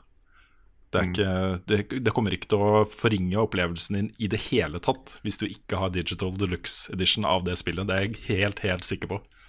Ja, jeg, jeg kommer ikke på et eneste eksempel på der en sånn preorder-bonus har vært blant favorittinga mine i et spill. Nei. Ikke jeg heller. Det, det kan godt hende de fins. Det er i så fall litt trist hvis de fins, men, eh, Mm. Men jeg har ikke opplevd Det det. nei, hva tror du er kulest da i Red Dead Redemption 2? Er det å uh, temme en villhest som ser skikkelig stilig ut, og gå gjennom alle de leddene du må gjøre for å få den til å stole på deg og bli en hest som eh, har bra med stamina og sånne ting? Eller er det bare å hente ut War Warhorse fra eh, pre-order bonuspakka di, liksom? Han Hva har er det som er sjel, vet kulest? du. Hva er det som gir deg mest? Jeg kan, jeg kan skjønne reaksjonene mot eh, at Epona i Breath of the Wild var eh, bak en sånn Amibo. Ja. Mm. Den var litt, den var litt uh, skiftig. Ja, men den kuleste hesten her var jo den der svære kjempehesten som bare var ett sted på kartet. Ja da. Men kunne du, kunne du bruke den? Kunne du registrere den, liksom? Uh, vet du hva, jeg tror ikke uh, jeg, jeg tror du kunne hente den opp igjen hvis du først hadde temma den og sånt. Så tror jeg du kunne hente den opp igjen, men jeg tror ikke du kunne bare gå inn i en stall, og så var den der. Nei, ok. Det samme gjaldt, gjaldt vel den derre skjeletthesten. Ja. Og så hadde du òg han Var det God of the Mountain? God, han Forest God, han ja. den, den mytiske hesten, da. Den kunne du ikke Den var jo Du kunne på en måte få lov til å ri på den, men ikke noe mer enn det. Nei, den satte jeg meg på, og så gikk jeg av for å gjøre et eller annet, og så ble den borte. Ja, nettopp. Men eh, jeg, har, jeg har faktisk ett eksempel der en preorder-bonus faktisk var ganske viktig for opplevelsen min. når Jeg tenkte meg om. Da var eh, Jeg spilte Da jeg begynte på Persona 5, så begynte jeg på det hos Carl. Og tenkte da kan jeg bare overføre saven min når jeg kjøper spillet. Så viser det seg at uh, jeg fikk ikke lov til å spille det på min eh, PlayStation selv om jeg hadde kjøpt det, fordi at det var et, eh, noen items som jeg ikke hadde. For da hadde Carl hatt en preorder-bonus som jeg måtte da kjøpe sjøl for at jeg skulle kunne få lov til å spille på, fired. på saven min. Men in, in my defense, da, så var det for å, det var for å preloade spillet, sånn at jeg fikk starta tidlig. Ja. Ja, men det var derfor jeg forhåndskjøpte Red Dead også. Jeg, Ja. Det var jo 98 gigabyte eller noe sånt Ja, som skulle lastes ned. Og det ville jeg ikke sitte midnatt og gjøre. Det ville jeg ha det klart, da. Sant? Og det, det, det må jeg si også. Den launchen, den derre countdown eh, akkurat ved midnatt er det tilgjengelig, og, og at det funka. Jeg bare trykka på start, jeg, og så starta spillet. Det var liksom, At ikke det var noen day one-patch, men jeg måtte installere først. Uh, og det sto 40 millioner mennesker i kø for å laste det ned og sånne ting. Jeg kunne bare begynne å spille. Det var en ganske kul opplevelse. Det å sitte og se det telle ned, trykke på launch, alt var klart, opptaket gikk i bakgrunnen. Det var, eh, ja. Det er jo det også opptaket. Hvis du ser den podkasten her på YouTube, så er det jo min start av spillet som, som ligger i bakgrunnen her. Ja. Mm. Jeg må, jeg må få med meg det spillet her. Altså. Jeg merker at dette er, liksom, dette er en for stor ting til at jeg kan la være. Åh, er det det jeg òg tenker? Mm. Mm. Tid og sånt. Jeg tror vi Ja. hopper videre til eh, neste spørsmål her. Um, vi har fått et spørsmål fra Kim André Odne, som skriver Om alle spill kom til alle konsoller slash PC, hva hadde vært deres plattform? Hadde valget forandret seg om og alle hadde samme toppgrafikk og FPS? Og det handler jo litt om hvordan vi sjøl ønsker Eller liker best å nyte spill, da. Mm. Mm. Hadde nok hatt eh, Hadde nok fortsatt hatt PC for eh, mange førstepersonsspill, sånne ting. Eh, ville nok hatt én konsoll. Nei, du kunne bare én. Bare Du kunne bare én? Ja. Å Mm. oh, ja. Uh, hmm. Mm. da, kan, da, da kan dere svare først. Nei, hvis, eh, hvis jeg hadde fått like, like høy FPS og like bra grafikk og like god oppløsning på en liten konsoll, som jo det spørsmålet antyder, da, så ville jeg jo hatt det. For da, det hender jo at jeg tar med meg PlayStation til deg, Carl, for å spille eh, Dark Souls, f.eks.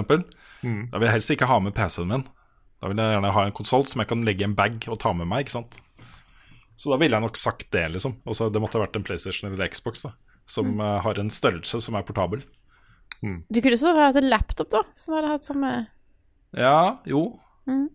Har jeg lov til å koble den til en større skjerm, da? Eller en bedre skjerm? Ja, det må vel Ja, ja, det kan du. Mm, ja, jeg- kanskje en laptop, da. Ja, for jeg driver og tenker på det at det er ikke så vanskelig nødvendigvis å koble en PC til TV-en din og fortsatt sitte i sofaen med en kontroll. Mm.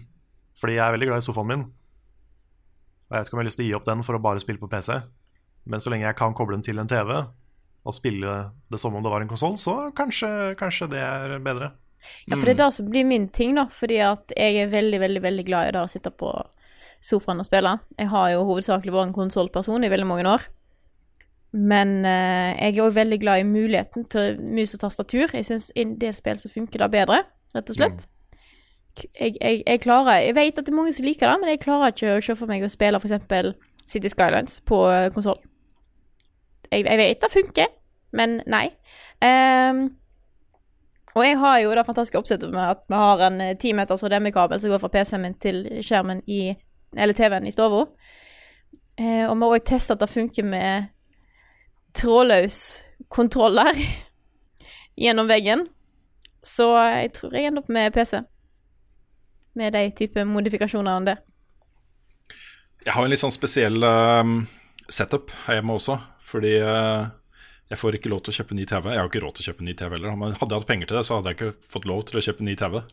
Um, så min beste spillopplevelse blir å sitte da den meteren fra 27-tommer eh, PC-skjermen jeg har, som jo er 4K, eh, 60 hertz.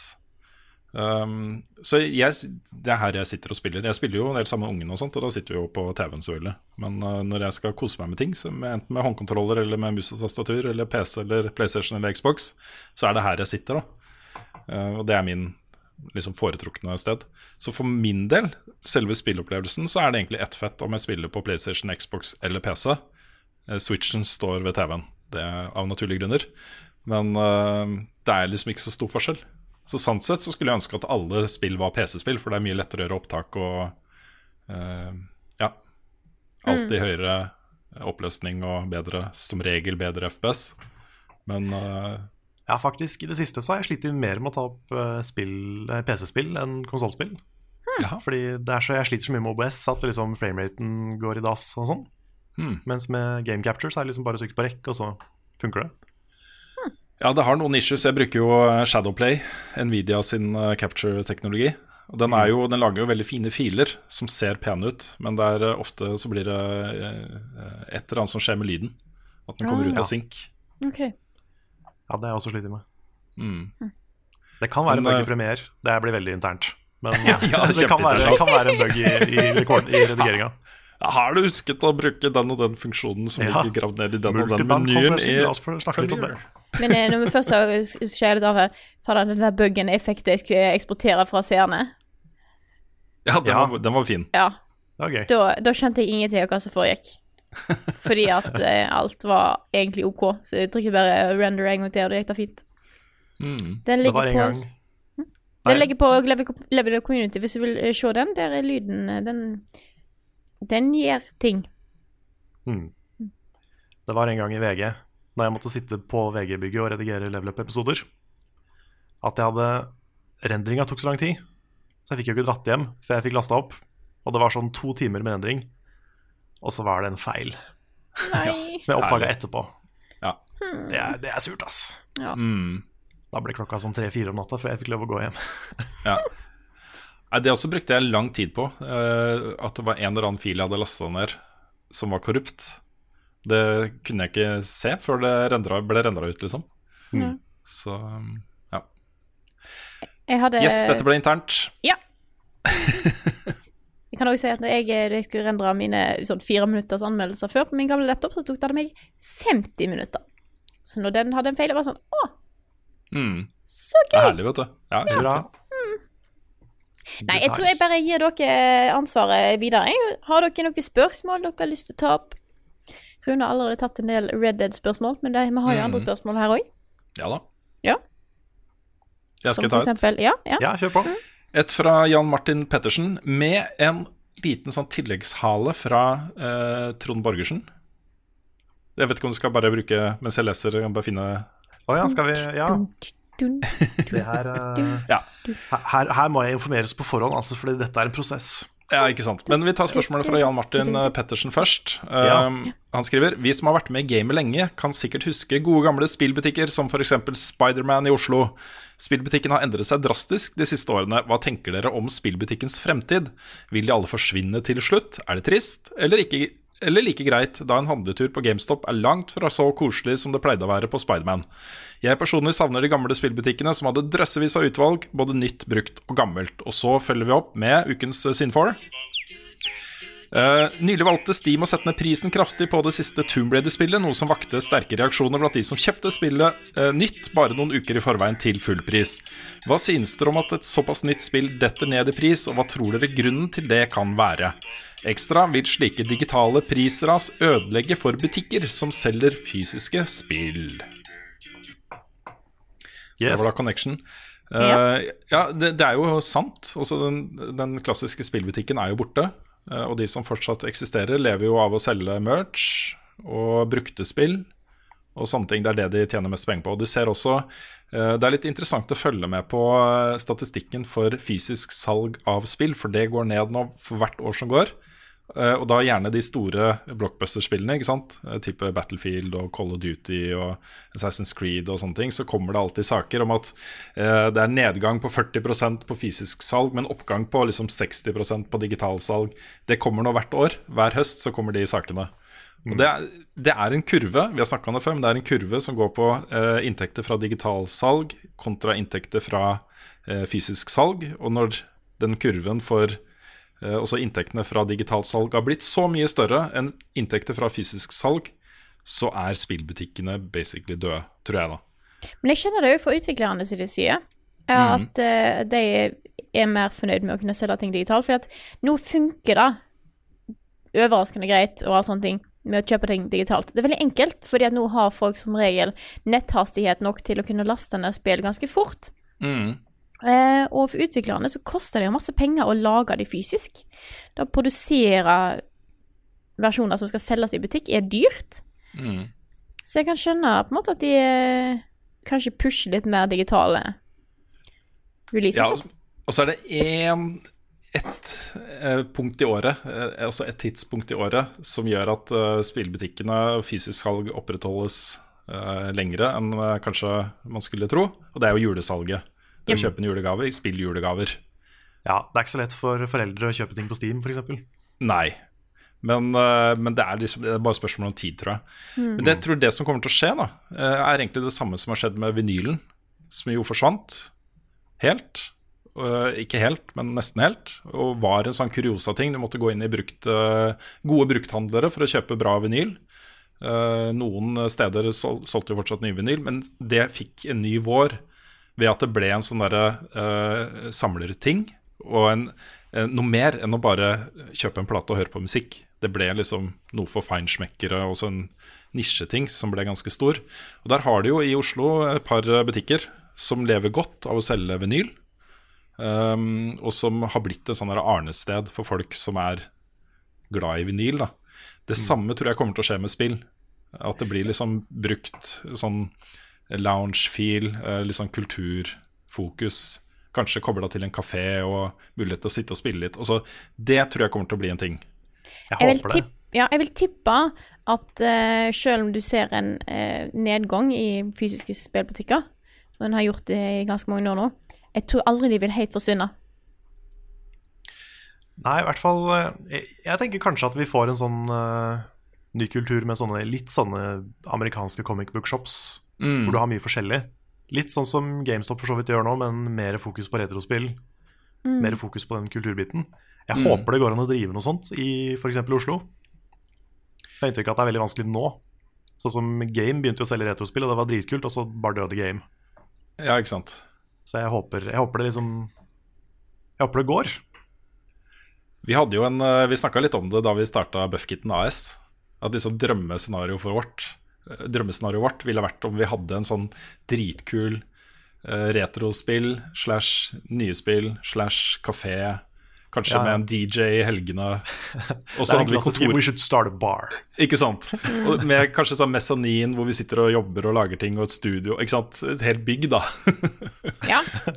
hvor dette var hjertet, ikke sant. Uh, jeg, jeg har litt tro på sånne steder hvor folk går dit for å henge med de folka som er der, like mye som for å kjøpe et spill, liksom. Uh, hvor det er uh, et samlested og et kulturmøtepunkt. Og sånn var jo Spiderman litt. grann. Og dette er jo folk vi henger med. Det er Jon Cato, Magnus, Kjell Gunnar, som har vært med å starte Tilt, f.eks. Uh, som jobba der, da. Og man dro jo dit fordi de gutta var kule, liksom. Uh, Opptil flere av de Jeg vet ikke om det er lov å si det høyt, men de bodde jo i kjelleren i perioder. altså, det var jo sånn derre ting, liksom. etter uh, spill På den tida så var det store lanseringsfester for store spill i Oslo. Hvor uh, du hadde liksom EA hadde mange ansatte i Norge. Eh, samme med Nordisk Film og uh, Microsoft og alle disse her hadde folk i Norge som hadde lyst til å skape blest om lanseringene sine i Norge. Og leide svære lokaler og hadde launch parties og sånne ting. Og da var det ofte sånn derre valfart da, fra det, den festen til Spiderman. Da låste de opp butikken, og så var det fortsatte festen der, liksom. Jeg er lei meg for at ikke jeg fikk oppleve Spiderman. Altså. Fordi eh, I Tønsberg så gikk det sånne, det gikk sånne vandrehistorier om Spiderman i Oslo. Mm. At det var så kult. Og det fins ingenting som er i nærheten engang. Nei, og, Og det, det, var som bare er en sånn egen eh, kulturting som bare var helt magisk. Før det igjen var det jo Akersmik, hvor også Jon Cato jobba. Jeg tror også Magnus var innom Akersmik før, uh, før eh, Spiderman. Men i hvert fall Jon Cato. Men da var det også sånn, de hadde en svær spillavdeling som folk, folk valfarta til når de kom til byen. Så var det dit de dro for å kjøpe spill. Og Sånn var jo Spiderman også. Det, er jo, det har jo noe for seg, men jeg jeg Når var det sist jeg kjøpte et fysisk spill? Det kan jeg ikke huske i farta. Når jeg gikk i butikken for å kjøpe et spill. Jeg tror forrige gang Det var da vi var i Kristiansand og kjøpte noen spill vi skulle anmelde. Ja, det stemmer, det. Det var forrige gang. Ja, det er, det er, ja, det er jo et år siden, da. Ja. Eh, pluss pluss litt. Nei, det siste jeg kjøpte i en Det var jo ikke en spillbutikk engang. Det var jo et eh, nytt SD-kort til Switchen, så jeg fikk litt mer lagringsplass.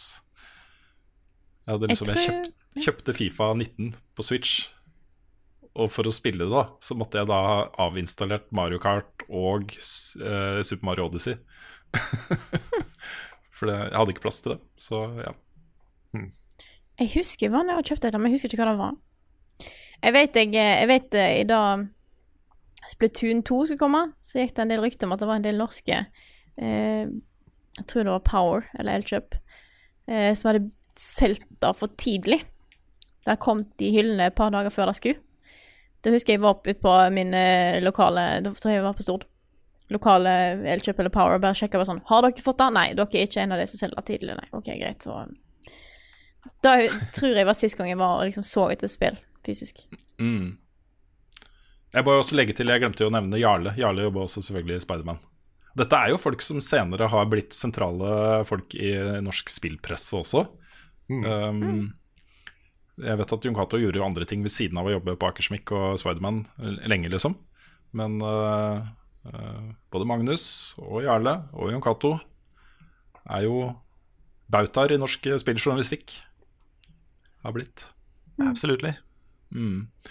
Eh, Når det gjelder spørsmålet til eh, Trond, da, så, eh, så er jo det et, et viktig moment her. Det vil også digitale priser, altså at ting kommer på tilbud raskere og raskere digitalt, er jo med på å drepe spillbutikkene. Det er ikke noe tvil om det.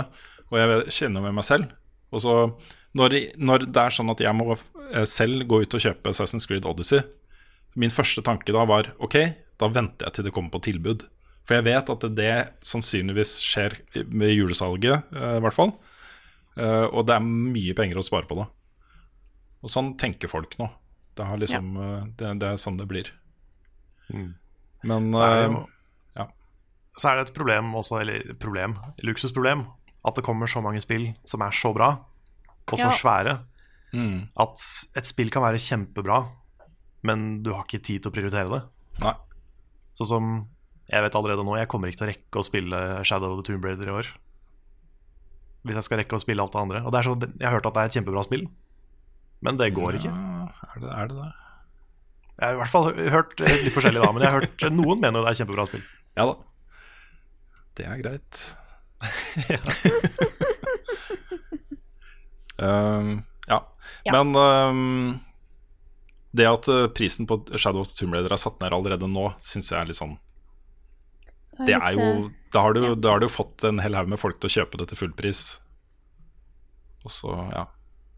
eh, Ja. Det er nesten de burde hatt en sånn derre Hva er det de pleier å kalle det? Sånn ambassador Ambassador award? Eller noe. Som de som kjøpte Wii U. Ja, nei, nei, nei, 3DS. Jeg tror det var det. Jeg er jo Nintendo Ambassador, Ja. faktisk. Jeg tenker meg om. ja. Tr- jeg tror jeg også fikk den fordi jeg kjøpte 3DS-en tidlig. Og da fikk du noen sånn bonusgreier. Husker du ikke om du fikk gratis spill, eller om det var noe discounts, eller hva det var? Eh, masse gratis eh, Det var NES, NES og Gameboy. Game Boy Advance. Det er det via den jeg fikk eh, Metroid Fusion, blant annet. For det er jo en måte å unngå at folk blir sinna på. Bare gi dem noe for at de betalte fullpris. Ja. ja, det bør de, det bør de gjøre. Det er eh, Ja. Du, eh, du Det er ikke god kundebehandling. Nei. Det er ikke det. Bare takk for penga, folkens. See ya. Ja. Det har jo, det har jo visstnok solgt mer enn det Rise gjorde i starten, men det var jo eksklusivt på Xbox. Så det er ikke så Ja. rart at det har solgt Det er ikke så rart. rart. Yes. Skal vi hoppe videre til uh, hvis Carl har et spørsmål? Ja. Jeg har et veldig, veldig kort eh, spørsmål her. Yes. Fra Christian Griftun Larsen, som spør om økonomien. T- Tillater det, når den tid kommer, kan det bli aktuelt å sende Bjørn til utlandet for å få tak i en eventuell neste generasjon PlayStation tidlig? Det hadde vært en uh, kul follow-up-video å lage. Ja, Ja. hadde vi hatt penger til det, så of course. Ja. ja, det hadde vært helt konge. Mm. Bjørn Ja. tilbake i New York for å kjøpe Ja. en PlayStation 5. Jepp. Det, det, det åpner opp for så mange muligheter til å dra konseptet videre. Det å bare gjøre det samme en gang til liksom med, en twist da, av en eller annen slag. liksom Ja. Vi hadde jo masse ideer til eh, follow-up-videoer. mm. For eksempel at liksom, denne gangen så skal han bare til Elkjøp. Ja. Liksom, sånn, akkurat samme type reisereportasje. Så er det yeah. noen står og venter på bussen. Er på Elkjøp om ca. 15 minutter. Er spent.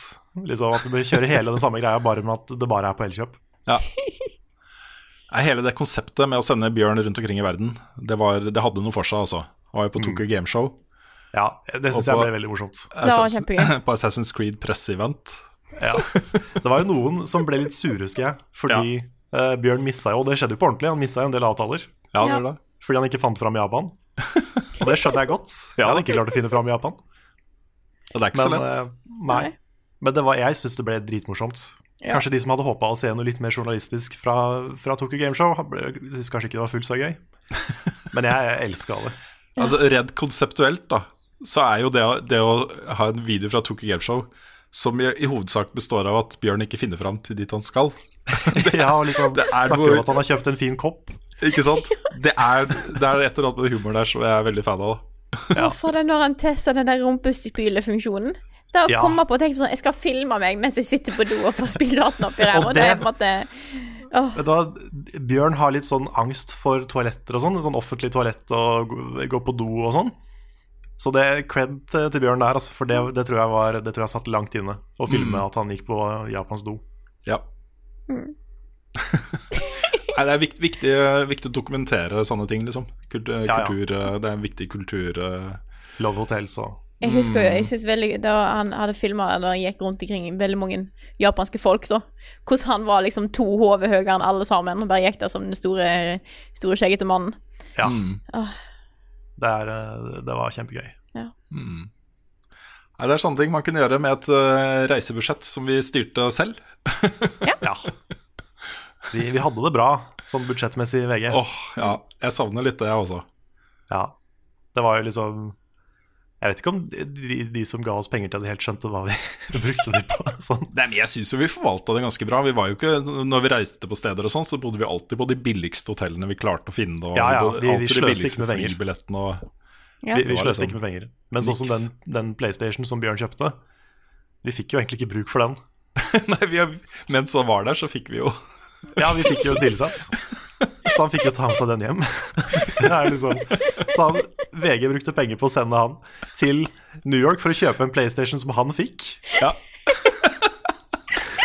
Det er sånn ting som jeg tenker litt på noen ganger. At ja, det, Jeg husker jeg satt og vurderte veldig når jeg så det innslaget. Bare sånn, var det planlagt at de skulle få noen andre, eller var Nei, Vi visste Nei, jo ikke det på det tidspunktet da vi kjøpte flybilletter. Og egentlig, nei. det, det, egentlig mens han var der, vi fikk vite at vi fikk den.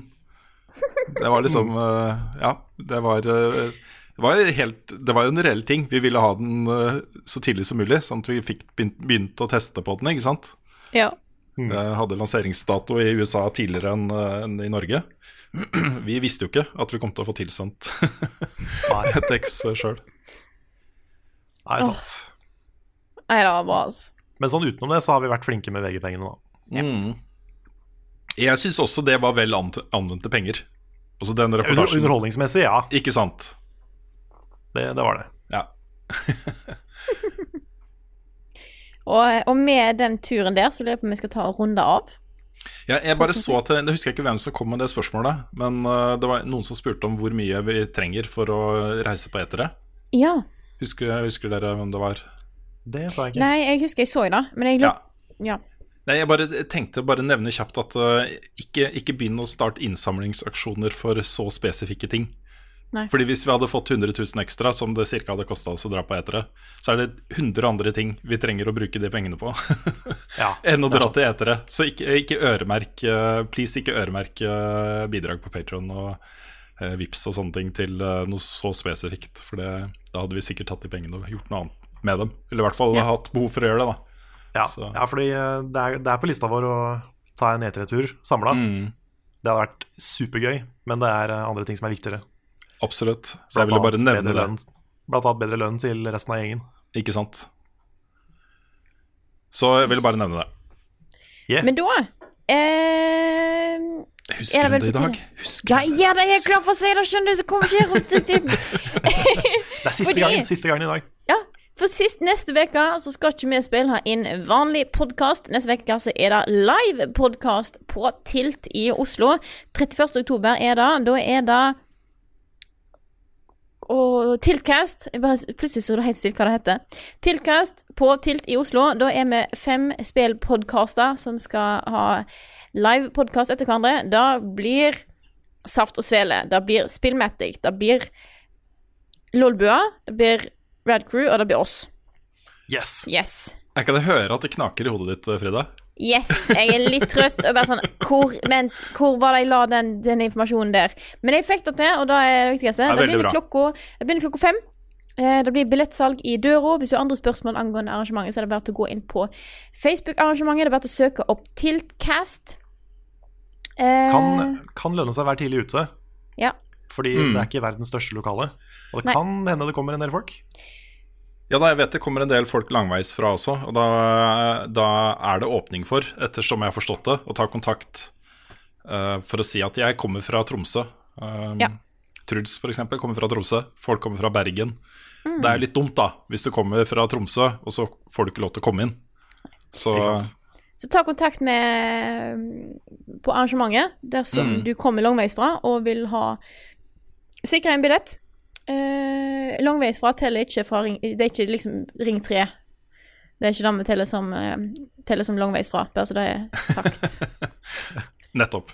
Ja. Uh, vil også nevne at uh, nå blir det ny merch, folkens. Bli merch! Det blir Det merch, og det blir merch. også Ja. klart til arrangementet. Og det kommer til å være en egen merch-bod der som ikke vi styrer, men uh, hvor eh, alle de forskjellige podkastene som er der, kan selge ting. Eh, inkludert oss, via da forskjellige vips numre Så vi har jo et eget vips nummer for Buffkitten AS. Så det kommer til å stå der, da. Eh, det blir kult. Det blir eh, like T-skjorte, men eh, litt andre farger. Eh, Ja. ja. Så vi kan i hvert fall si at eh, snart er merch klart til kjøp igjen. Mhm. med, med en gang T-skjortene er klare, så skal vi sende ut til de som skal ha det. Enten det er Patron-folk eller fra seerne eller diverse. Så snart masse merch. Så vær klar for det. Vi gir beskjed når det er klart. Mm. Og eh, bare for, som en liten tease, da, så er planen nå i første omgang T-skjorter, kaffekopper og sånne baseballcapser. Og så ikke med sånn flat brem som vi har hatt før, men litt mer sånn bua baseball. Yeah, sånn buebrem. Buert Bram. Eh, jeg vil også bare nevne eh, Det er ikke spikra ennå, så det er ikke sikkert det blir noe av. Men det ser ut som om det går mot Du tør å nevne det? ja, Du tør å nevne det? OK. ja, okay, okay. ok. eh, et nytt lagshow med oss. Og jeg har ikke lyst til å nevne hvem den andre parten er, i tilfelle ikke det blir noe av. så er det litt dumt å snakke om det. Men Ja. med en annen veldig veldig kul eh, part. Uh, liveshow i Oslo 13.12. Vi jobber mot det nå. Vi prøver å få det til. Så hvis du har liksom begynner å legge kabalen for desember allerede nå, så kan du ha i bakhodet at det er mulig at det skjer noe fett i Oslo 13.12. Ja. Viss fare for hardcore julestemning. Ja. Hvis fare for hardcore julestemning. Så det er verdt å markere ned hardcore julestemning i kalenderen 13. desember, altså. Mm. Eh, men òg husk selvfølgelig på at vi skal ha live podkast på Tilt 31. oktober. kommer kommer ut som en podkast, ikke som en video eller Ja, Det har vi ikke snakka om forresten, Frida. Det er mulig at Nei. vi må spille en ekstra episode fordi vi gjør så mye live-spesifikt på det Stemmer. showet. Ja, Det er nei, men da er trekker jeg bare den tilbake, jeg, da. Og så, eh, ja. Det kommer kanskje Vi vi er litt usikre på hva det kommer neste uke. Ja. Vi får se. Det blir ikke stream, kan vi si. Nei, Det gjør det På ikke, for vanlig livestream, tenker jeg. Ja, det blir ikke stream på onsdag. Nei. Nei, men jeg har en mistanke om at vi kanskje bør sette oss ned og ta i hvert fall noe. Ja. Mm. Ja. ja. Nei, jeg hadde glemt den. Jeg tenkte bare at det var vanlig podkast, men dere har jo planlagt en del ting som er Så, så ja. Sorry! Det er jo fint. Sånn, eh, sånn skjer. Men med det så tror jeg egentlig vi er nødt til Eller ikke nødt til. Vi vil selvfølgelig takke våre fantastiske Patron-backere, som gjør at vi kan uh, gjøre det vi liker best. You are the best. Fortsett. You are the best. Tusen, tusen takk. Så snart får til og med de som har gitt oss De som har vært mest sjenerøse av dere, får også snart deres eh, rewards. Og det blir en- Eksklusiv T-skjorte, altså.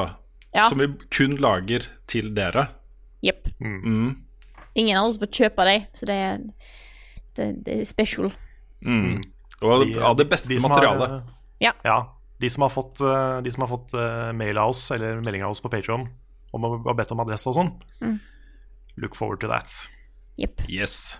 Yes. Og det blir flere Det blir eh, For de som kanskje eh, nettopp har hatt mulighet til å støtte oss med mer penger, så skal vi trykke flere T-skjorter seinere, men det blir ikke med en gang, bare så det er sagt. Da vil jeg eh, ja, nå, nå, nå var jeg klar for Nå var jeg klar for å plugge Tiltkast, jeg, men den har vi allerede plugga. Så da tror jeg at jeg, eh, vi sier tusen takk for oss. Takk for at du har hørt på denne episoden her av Level Backup, og så snakkes vi igjen Kanskje neste uke. Nå ble jeg litt usikker. Men Ja, det det, blir podkast uansett neste Det, uke. det blir podcast. podcast, det gjør det. Ja, ja. Ja. Så da snakkes vi neste uke. Og vi har glemt å plugge tilkast.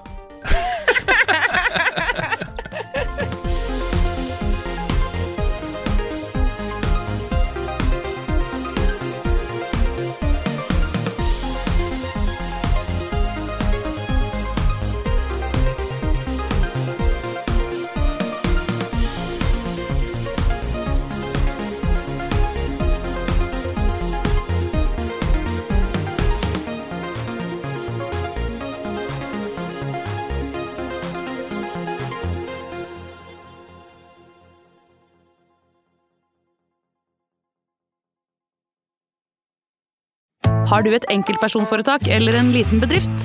Da er du sikkert lei av å høre meg snakke om hvor enkelt det er med kvitteringer og bilag i fiken, så vi eh, gir oss her, vi. Fordi vi liker enkelt. Fiken superenkelt regnskap.